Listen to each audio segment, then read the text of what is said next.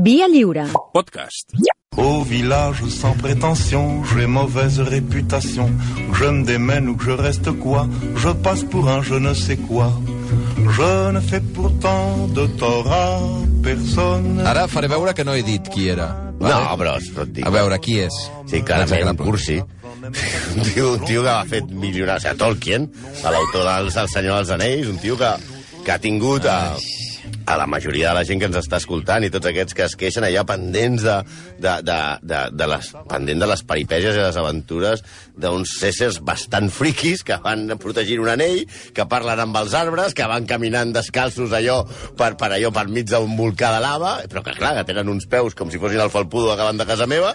Vull dir, però un tio, un tio que era un, un cervell brutal, el, el senyor Tolkien.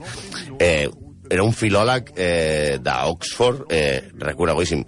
No només parlava, em sembla que unes 12 llengües, sinó que, a més a més, com no tenia prou, es va inventar 14 llengües Vinga. amb els seus alfabets. És que, a més a més, els posaven als llibres. I això de... O sigui, un tio que ja, com a, com a passatemps, es dedica a inventar-se llengües èlfiques i diverses variants de llengües èlfiques, està bastant torrat. O sigui, amb una, amb una suma aleatòria de síl·labes, pels de la ESO. Una síl·laba és una unitat de la llengua composta per un o més sons artic... Bé, és igual. I que, també... és igual. El, el, també és un home que, ara que parlàveu de Lehman Brothers, va, eh, va treure, va, va desbancar la frase possessiva més famosa de la cultura, que és era? mi carro por mi tesoro. sí, ja, clar, sí, sí, ja sabeu de qui parlem, evidentment, ell també s'inspira amb les llegendes nòrdiques, però eh, Tolkien, a més, i això és el que no sabíeu, és un home d'ultradreta, franquista, ranci, ultracatòlic i que és el pitjor. Tenia vincles, i atenció, ara hauríem de posar una música de, de amb Bertín Osborne. Què dius? Sí, senyor. Podem relacionar a Bertín Osborne i Tolkien. És a dir, avui no se salvarà ni Galda. Avui li traiem l'anell... El nom complet és John Ronald Reuel Tolkien, més conegut com J.R.R. Tolkien, més conegut com Tolkien, més conegut com el que va escriure el Senyor dels Anells. I que, pels de l'ESO és un llibre, no és només una pel·lícula. Oh, però si ara pensava que posaríeu música del Senyor dels Anells una Per què mica. posem aquesta cançó? No perquè el nostre escriptor de, de monstres i follets fos un psycho killer, la posem perquè és una de les més famoses de Tolkien Heads. És molt gran el xip. Tolkien Heads. Talking Heads. Tolkien Heads. Estareu així tota l'estona? M'agradaria molt que hi hagués un grup que es digués Tolkien. Tolkien. Tolkien Heads. Bé, com, comencem, comencem. La infància de, de Tolkien no és molt particular, mm. encara que algunes biografies incideixen molt en cada nen li va picar una taràntula. Què dius? Fet Sí, que em sí. sembla rellevant, però que es veu que és molt important, eh? Sí, perquè, clar, a les obres Bueno, surten... exacte. Què Unes, treus? unes aranyes gegantines. Sí, sí. Aranyes king size. Tolkien va néixer a l'estat lliure d'Orange. Als tres dies el va trucar Vodafone i es va canviar d'estat. Ah, Avui- ah, per favor. Avui part de Sud-àfrica. Concretament a Bloemfontein, que és la capital judicial de Sud-àfrica avui. Si un neix a Bloemfontein, ja té tolerància als noms rars, no? La família era aparentment normal per l'època, encara que no l'ensentaven molt amb els noms. Si ens va sorprendre que Evelyn Bock es digués així, Evelyn, i, i, i a sobre que es casés amb un altre Evelyn, el germà de Tolkien, que també es deia Tolkien, no? Òbviament, òbviament. Cognom. va ser batejat com Hillary. El germà? Sí. No la germana. No. Hillary Tolkien. Diu un barba. va escriure, va escriure les seves memòries, Hillary, però la seva vida es va dedicar a conrear fruita. Que està molt bé, però vaja, és com si al Blai, en la seva veu greu, li diem Mireia. Buenas noches, señora. Anem. Ara, ara. Estem camí de la, de la pitjor selecció, eh? Sí. Podríem fer llista a Spotify, la, la pitjor sec, la, la secció de ràdio ara us expliquem- pitjor... Eh, ara us vaja. expliquem i desvetllem el secret que relaciona Sí. Bertín Osborne amb l'autor del Saps que, Senyor saps dels que Anells. pensava que ho deixéssiu pel final, però bueno. No, no, no, endavant. A veure, A veure, ell ja veig que s'ha agafat per pizzas, això, no? Va. No, no, no, no, et creguis. Ell, eh, el, ell neix a Bloemfontein, després Sí. d'estasiada quan és nen a Anglaterra. seu pare mor quan ell és molt petit i la seva mare es fa càrrec de, de, de la família. Al 1900 ella es converteix al costat dels seus fills al catolicisme. Uh -huh. perquè, I aleshores ella, quan està a Anglaterra, una dona amb, amb els fills, eh, vídua, no tenia elements per sobreviure. I eh, la seva família, que eren protestants, els ajuda econòmicament. Però aleshores ella té una revelació i eh, es converteix al catolicisme. La família protestant no tolera el canvi de religió i li deixen de donar diners.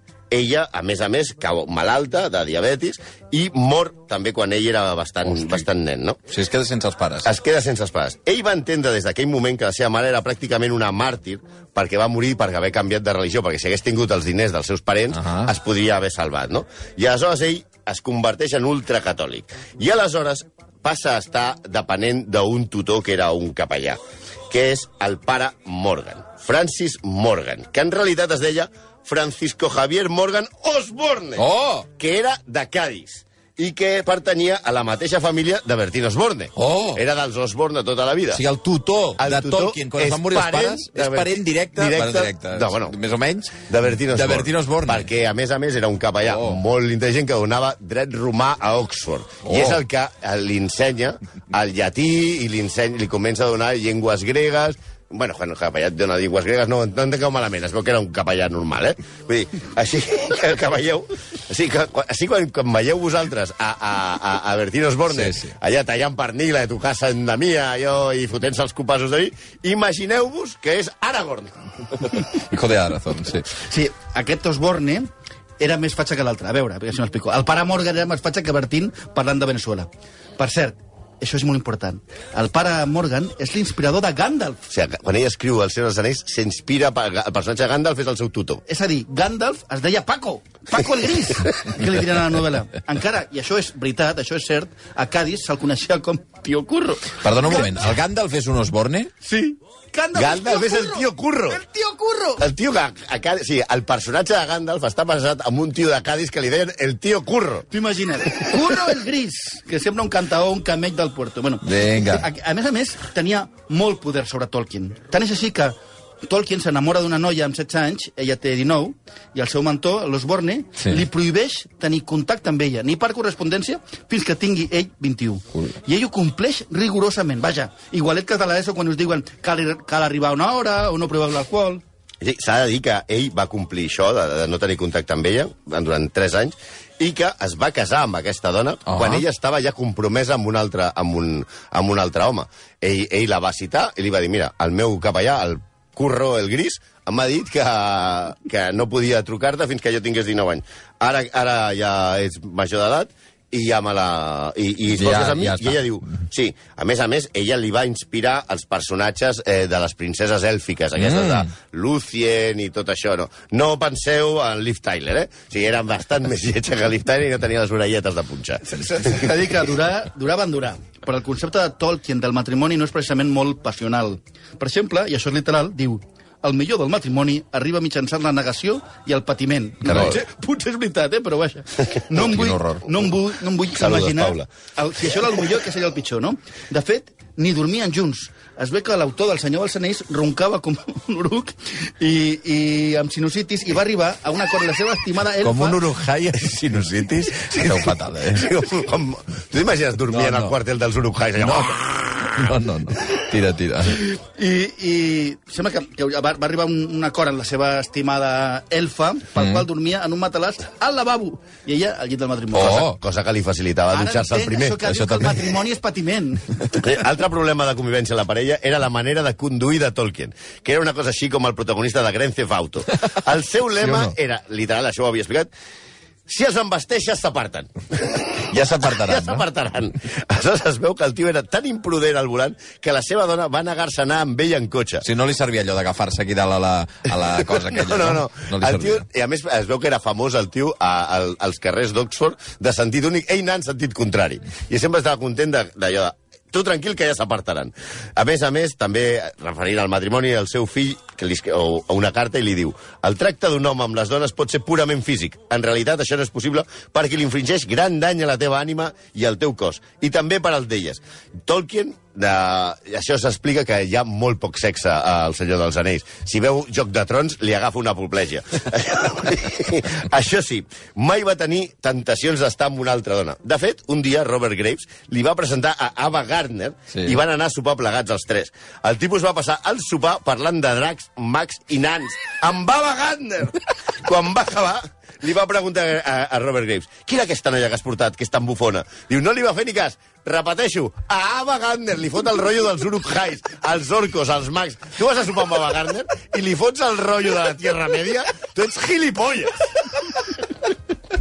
Va tirar. També, també repetien les, crua, les, cruata, les crueltats típiques dels Tolkien, perquè el nostre Tolkien també li va posar al seu fill Hillary. És un cabron. En, en el seu cas, Home, li podia haver posat Bolsón. Michael, Michael Hillary, per ser exactes, eh? Però per acabar amb el tema de la seva dona, a la seva tomba posa Edith Mary Tolkien, Lucien, com el personatge, mm. 1889, no sé, què. és a dir, li posa a la seva doma el nom d'un personatge seu, a la seva làpida. Us imagineu a Pello, el creador dels barrufets, que a la làpida posi barrufeta? Això no pot ser, home, això és vanitat de raper.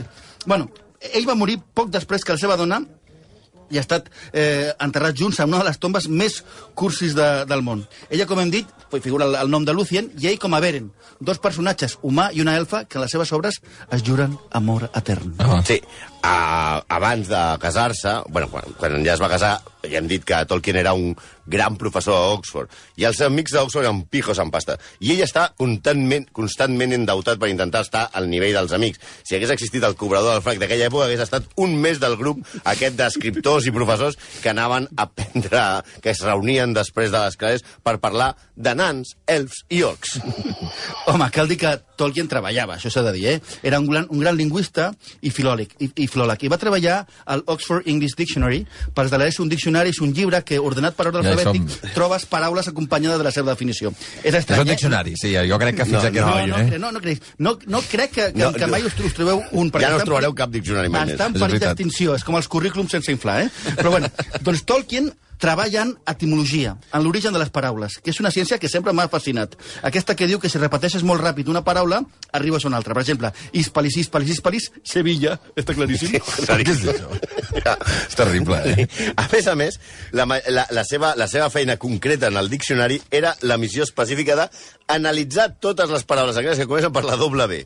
B baixa. Totes les paraules angleses que comencen per doble B baixa. Mm. I que són d'origen germànic, de l'alemany. De fet, eh, eh, Tolkien, el nom prové d'Alemanya, eh? Ell, ell és d'origen germànic.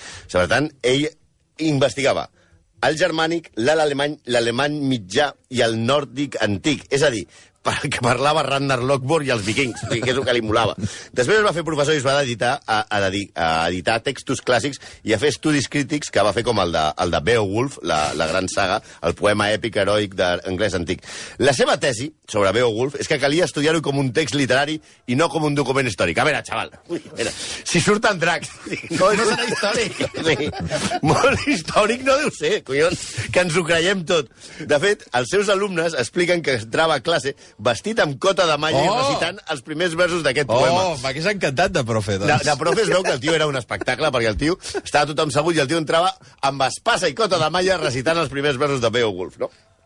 De fet, el tio estava tan obsessionat amb les paraules que va decidir que la millor frase en anglès és la que formen les paraules cellar door, la porta del soterrani. No sé si això té alguna explicació freudiana, però no voldria saber-la. Mentre afirma afirmava que l'anglès que parlen als Estats Units és el que queda de l'anglès correcte després de passar-li un fregall brut per sobre. Sí, portava la filologia a extrems com els de odiar tot el que sonés a francès, que ell pensava del francès. Aquest idioma és una barreja de vulgaritat, xerrameca, indecència i gargalls. I considerava que el pitjor que li havia passat a Anglaterra en tota la seva història era la invenció normanda de Guillem el Conqueridor al 1066. És a dir, és una mena de, de Mourinho, que no, hi, ha, hi ha gent que no, no supera un 5 a 0, però hi ha altres no han superat encara la batalla de Hastings. A Tolkien s'ha de dir que li agradaven molt els clubs.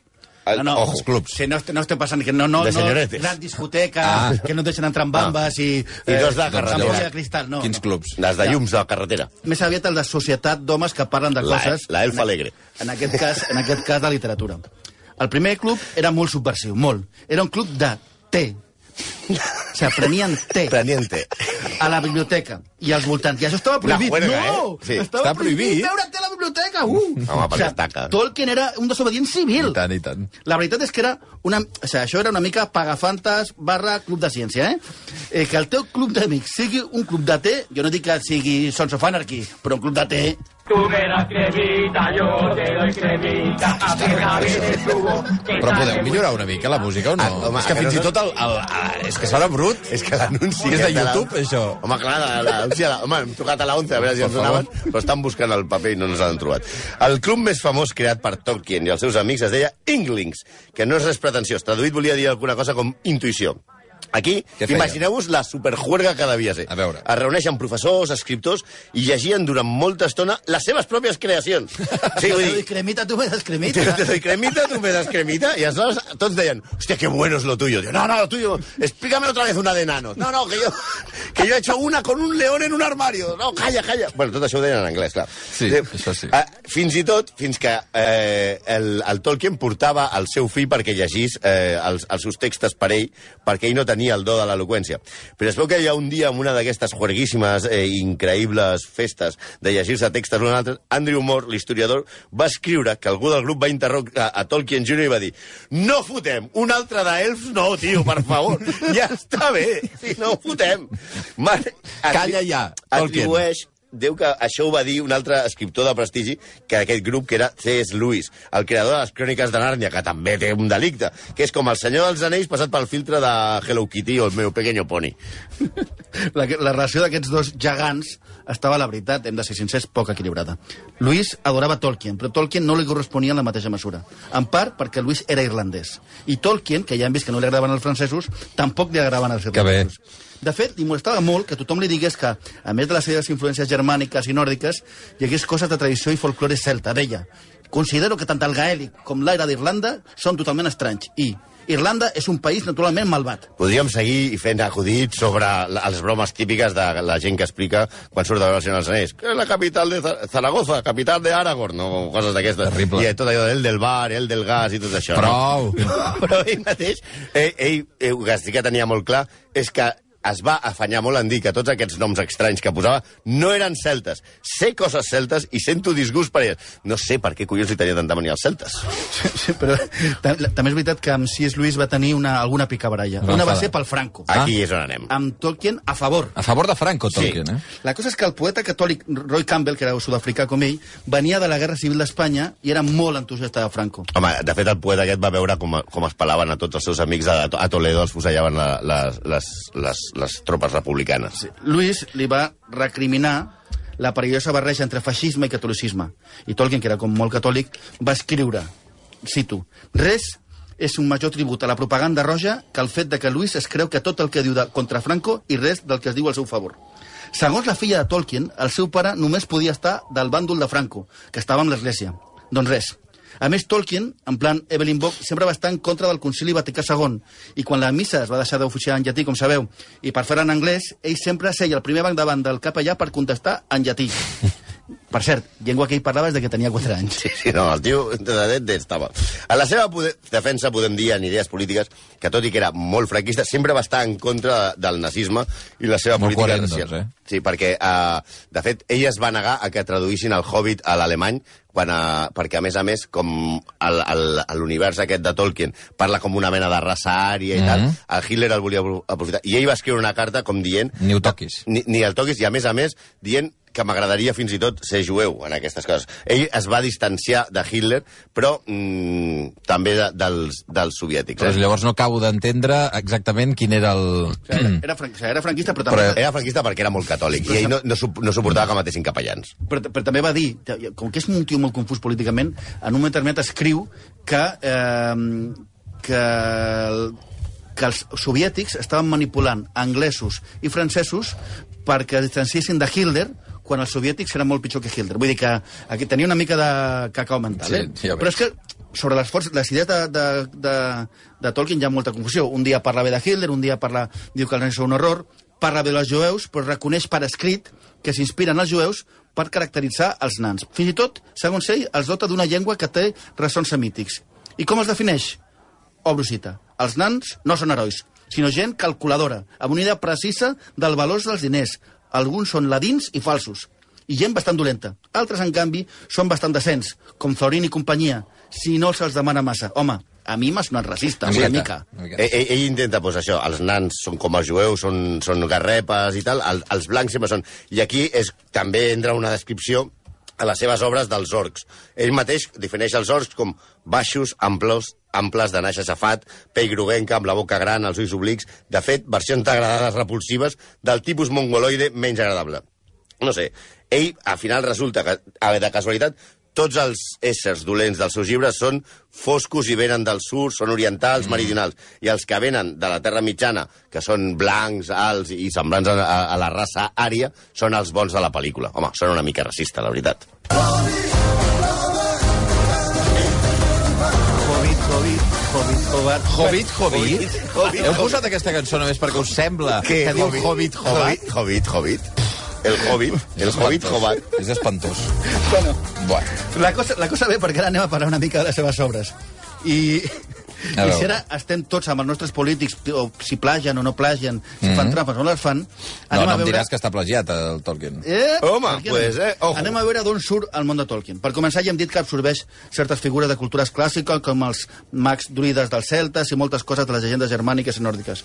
Per cert, en anglès això és important, elf és és, és eh, follet, duende. Mm, vull dir que no és un terme que ell s'inventés, que és No. exactament, vull dir que ja està, que és una cosa genèrica. Eh, que és un genèric per, per als habitants del, del bosc amb orelles punxegudes. Vaja, que hi ha molta gent que l'acusa d'agafar el, el folklore existent i ja està. Però què s'ha de dir? que el, el, el, tipus es, es va, el tipus es va tarar tant amb els seus personatges que va arribar a escriure eh, a un admirador que en realitat diu ell, jo sóc un hobbit, excepte amb el tamany. M'agraden els jardins, fumar amb pipa, la cuina senzilla, excepte els congelats, detesto els francesos, m'agraden els arbres, els bolets, les armilles de fantasia i no viatjo massa. No sé què tenen a veure els francesos amb els hobbits. No, tampoc. No ho però si diuen. tenia- Però si tenia una mania... A la pel·li no ho diu. No, no. Però és que a la pel·li també surt un senyor que es diu Tom Bombadil. No surt, no surt, que surt al llibre i que els de l'ESO no saben qui és. Per això no és el pitjor. Ha qui l'acusa, i parlem de plagi, que, que el Seus és, és un plagi de l'anell de Nibelung de Richard Wagner. Mm. L'òpera també ofereix el poder i té conseqüències nefastes. Siegfried té semblances amb Frodo Bolson, que destrueix l'anell és el seu acompanyant. Brunilda, en el cas de Siegfried, i Sam en el de Frodo, al llançar-lo on es va forjar, a les aigües del Rin o a la volcànica eh, fortalesa de Sauron. Sempre he pensat també que entre Brunilda i Sam hi ha una relació eh, especial, perquè a mi, el de Frodo i Sam, a mi no m'olora bé. Tants dies caminant per allà... Vols dir que- que tenen per algun Mordor. tipus de relació a més mi em sona que el Sam aquest està molt enamorat del Ja, Frodo ja, ja. i hi ha una relació... També pot ser. Si fessin la, la, la pel·lícula porno del Senyor dels va, Anells... tira, tira, va, és igual. Savi Frodo a la sauna. No vull saber. Sí, bueno, igual. I és que eh, els nivelungs són petits, alegres i despreocupats ferrers. S'assemblen molt als hobbits. Mm. Altres criatures també s'assemblen. Les doncelles del Rin, a l'òpera, i la reina elfa, en l'obra de Tolkien, en tots els casos, aquests éssers immortals que viuen als boscos i cascades adverteixen del perill que comporta portar l'anell. També el nan Albridge s'assembla molt al Gollum. I a més a més, Siegfried té un mantell que li confereix la invisibilitat i Frodo Bolson i el seu oncle es tornen invisibles quan freguen l'anell. Home, No, home, sí, sí. Home, una dit, mica... dit així, que sí. diguem-ne que, que, que això ho agafa Pablo Casado i l'ABC i et diu aquí... Plagio. És plagio? Doncs pues potser sí. En qualsevol cas, com som nosaltres bastant infantils, reconeixem que ens agraden els llibres i les pel·lícules de Peter Jackson, aquestes batalles. Però hem de tenir en compte que Tolkien sempre va pensar que les seves obres bones eren les turres de poemes èlfics que mai va publicar en vida. Creia que el senyor, creia, ell creia que el Senyor dels Anells, que és l'obra de ficció més venuda de tots els temps, que no és veritat, ja sabeu que ni és de Bíblia, ningú sap quina és l'obra de ficció més venuda, són tot teories que diem tots, però bueno, que s'han venut molts milions de molts milions de- d'exemplars, seria un fracàs per culpa dels editors. Els editors. Això es pensava que... Sí, això no, això opinió compartida pel crític literari del Times, que va escriure que el Senyor dels Anells té tots els números per ser un desastre editorial. Això va dir el del Sí, Times. ell, ell tenia la... Visionari, la, eh? Ho va clavar. Però Tolkien tenia, es va posar com una moto quan l'editor li va dir ah, que el llibre es publicaria en tres volums. Ell volia que fos un de 2.000 planes. Home, però és que també... A vegades els editors tenen raó. Sí. Després, ell volia que hi hagués un canvi de tintes per ressaltar els texts fixos quan parlen els arbres. I li van dir, mira, nano, ho farem tota la mateixa tinta. I després, quan va veure la portada a la primera edició, que era com aquells dels, com els dels llibres del Sergi Pàmies, que no s'entén ni patata, saps? Allò que no té res ni a veure. Que no té res a veure amb l'interior, no? La, la primera edició del Senyor dels Anells és un dibuix de dos emus i una eiva fruiter tropical que l'il·lustrador va fer la portada perquè no s'havia pogut llegir el llibre. O sigui, fins i tot Tolkien, quan ho va veure, va dir he perdut el control de la meva obra i he creat un monstre. Una novel·la immensament llarga, complexa, amarga, terrorífica i poc apropiada pels nens, si és que és apropiada per algú. Per algú. O sigui, la va clavar el tio, eh? Una altra anècdota és que ell mai va voler que el llibre es portés al cinema perquè considerava que prostituirien la seva obra fent-la molt senzilla. S'ha de dir que Tolkien no tenia molt bona opinió del cinema i va dir textualment que seria recomanable que els americans fessin el que es vingués de gust sempre i quan fos possible prohibir els estudis de Disney o qualsevol cosa relacionada amb ells. Disney em sembla francament detestable. Ara, si ara veies les pel·lícules que va fer Peter Jackson, igual canvia d'opinió, perquè són una màquina de fer diners. I a Tolkien res li agradava més Ah, que sí? la pasta. Sí, Sí? sí, era molt garrepa. Era un tipus que en una de les seves declaracions de renda va escriure a darrere ni un penic dels meus impostos pel Concorde. El Concorde, pels de l'ESO, us explicarem que era un avió que van construir entre Alemanya i entre França i Anglaterra que anava uh, de, de París i de Londres a, a Nova York en 3 hores. Mm. -hmm. Sí, i es veu que van demanar un impost especial per poder-lo sufragar. I ell va dir que res. Ni de conya. Bé, tot això li podríem perdonar. S'ha de dir també que la seva família va heretar això de ser garrepa i quan ell va morir es van publicar 22 llibres escrits per Tolkien. 22! 22. A la seva família, ara, ara serà, no sé si té hereus, seran multimilionaris, però 22 llibres. I, no, i si això, sense saber que, a més a més, és família de Bertinos. Això sí que ja, això m'has deixat mort, eh? Sí, sí. El, el Gandalf Gandalf és... és, el tio és, una, és un El. El tio és un. Osborne, eh? Ja està. En fi, exagrables. Estic, estic esgotat. les, les 11 i 10 minuts, gràcies, eh? A vosaltres. Tout le monde viendra me voir pendu, sauf les aveugles, bien entendu.